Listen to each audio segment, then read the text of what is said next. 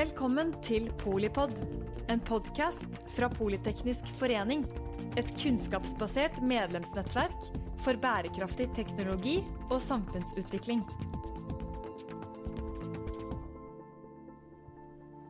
Velkommen til eh, Polipod rett fra Arendalsuka. Vi kaller det Polipolitikk. Vi har med oss eh, Samina Ansari, som er Head of eh, Public and Corporate Relations i Equality Check, men som også har en substansiell erfaring og bakgrunn fra Afghanistan. Um, det brenner i Kabul og Afghanistan, um, så vi skal snakke litt om hva som skjer med kvinnene i, i den situasjonen som, som, vi ser på med gru akkurat nå. Hva skjer egentlig med kvinnene i Afghanistan? Sammen? Så Det som er viktig å begynne med, Mette, det er at eh, kvinnene i Afghanistan eh, har hatt enorm progresjon i forhold til deres rettigheter, tilgang på muligheter, tilgang på ressurser de siste 20 årene, eh, hvor vi har hatt eh, styrker og eh, internasjonalt samarbeid i landet. Mm. de gevinstene har fått veldig lite fokus på globale medier. Eh, og jeg har jobbet mot dette med å gi fokus på de gevinstene, fordi jeg mente at det også var veldig viktig for det internasjonale samfunnet å se hvor langt kvinnene i landet hadde kommet fra et strengt Taliban-regime til å faktisk få tilgang på muligheter som mm. er ganske lik muligheter vi har andre steder og andre deler av verden. Som dette med at kvinner begynte å lede sine egne selskaper, til og med, i store byområder. Mm. Eh, så den siste utviklingen har jo vært veldig dramatisk. Jeg har jo nesten ikke hatt tid til å prosessere dette Nei. her. Eh, jeg tror vi alle er i sjokk. Eh, jeg er veldig, veldig bekymret for kvinnene og jentene i landet. Eh, og det er fordi at eh, det ser ut som eh, vi er på vei mot et regjeringsskifte. Mm. Taliban har tatt store områder med makt. nå er de i presidentpalasset i Kabul. Mm. Jeg snakker med venner og bekjente i hovedstaden, men også andre storbyer. veldig mange av dem jenter. altså kvinner av min generasjon. Mm eh, som deler at de er veldig redde for, for, at de ikke skal ha de samme mulighetene som de har hatt de siste 20 årene. Som dette med å ha tilgang på utdannelse, tilgang på, eh, på arbeidsmarkedet, eh, og det å kunne bevege seg fritt. Eh, eh, og at veldig mange unge jenter er redde for at de må gå med burka, eh, at de skal oppleve vold. og disse bekymringene er jo på veldig mange måter eh, helt riktig.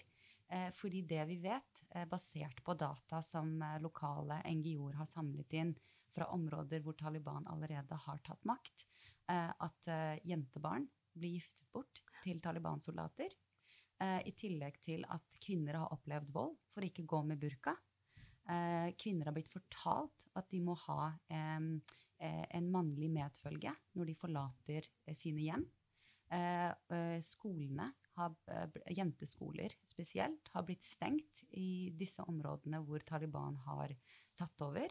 I tillegg til at Taliban har vært veldig forvirrende i forhold til sin kommunikasjon. Ja, for de sier jo egentlig at de skal beskytte kvinner og barn. Det sier de i Doha, der de har sin diplomatiske mm. delegasjon. Mm. Men for meg så virker det som om det er et kjempestort gap mellom Taliban i Doha og Taliban-soldatene på bakken. Så det, det blir også Spørsmålet er hvor ille blir det? For det kommer til å bli verre for kvinnene uansett. Jeg personlig tror ikke at vi går tilbake til et demokratisk stat. Det var jo et ungt demokrati fra før av. Ja.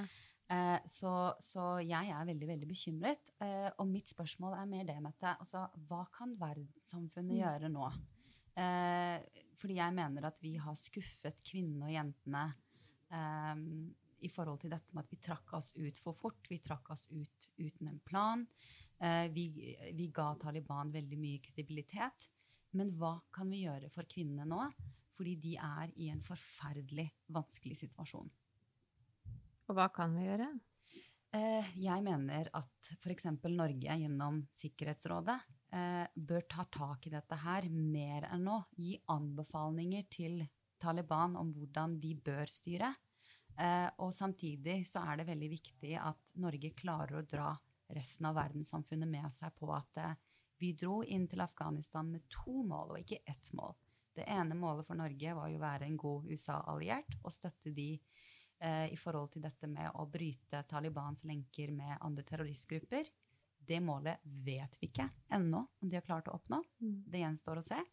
Og det andre målet var statsoppbygging, og en del av det var menneskerettigheter og kvinners rettigheter. Mm.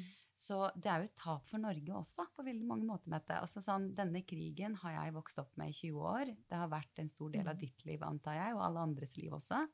Eh, at det at eh, de gevinstene som vi har støttet afghanske kvinner med de siste 20 årene, plutselig skal forsvinne, Mm. det er jo et tap for oss også som verdensnasjon.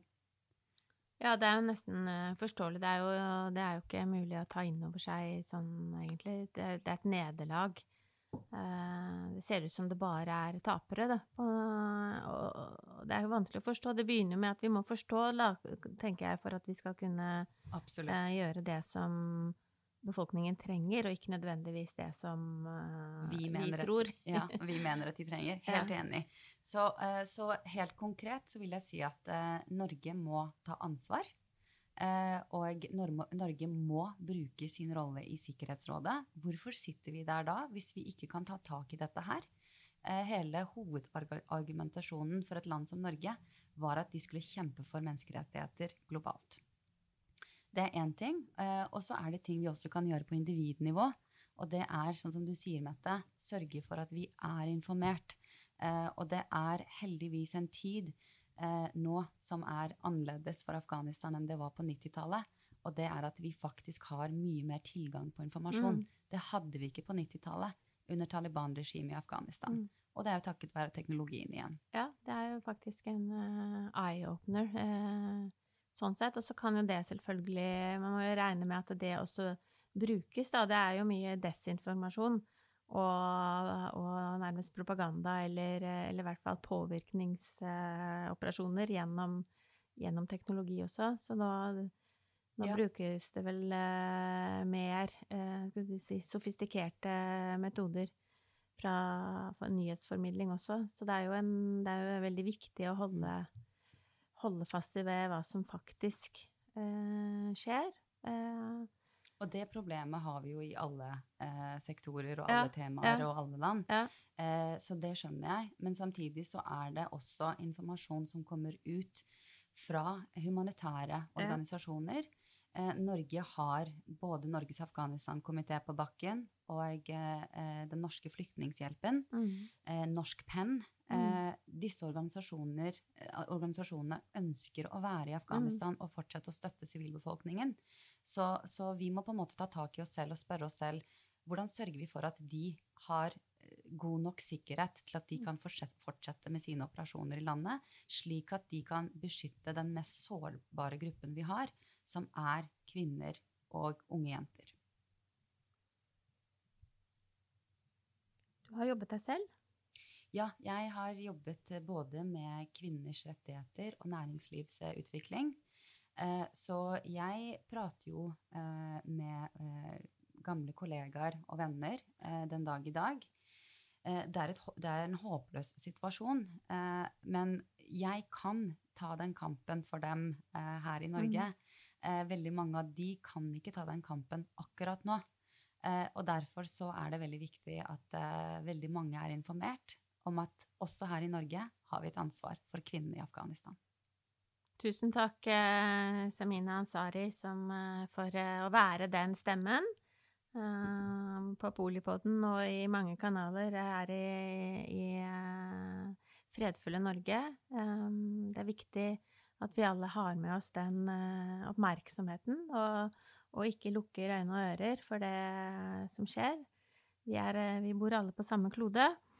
Så um, Samina Ansari, uh, Head of Public and Corporate Relations i Equality Check, og altså da um, denne samtalen med fokus på kvinnene i Afghanistan. Takk. Takk skal du ha. Takk for at du lyttet til Polipod fra Politeknisk forening. Få med deg flere episoder, eller bli med på nettverksmøtene som du finner på at polyteknisk.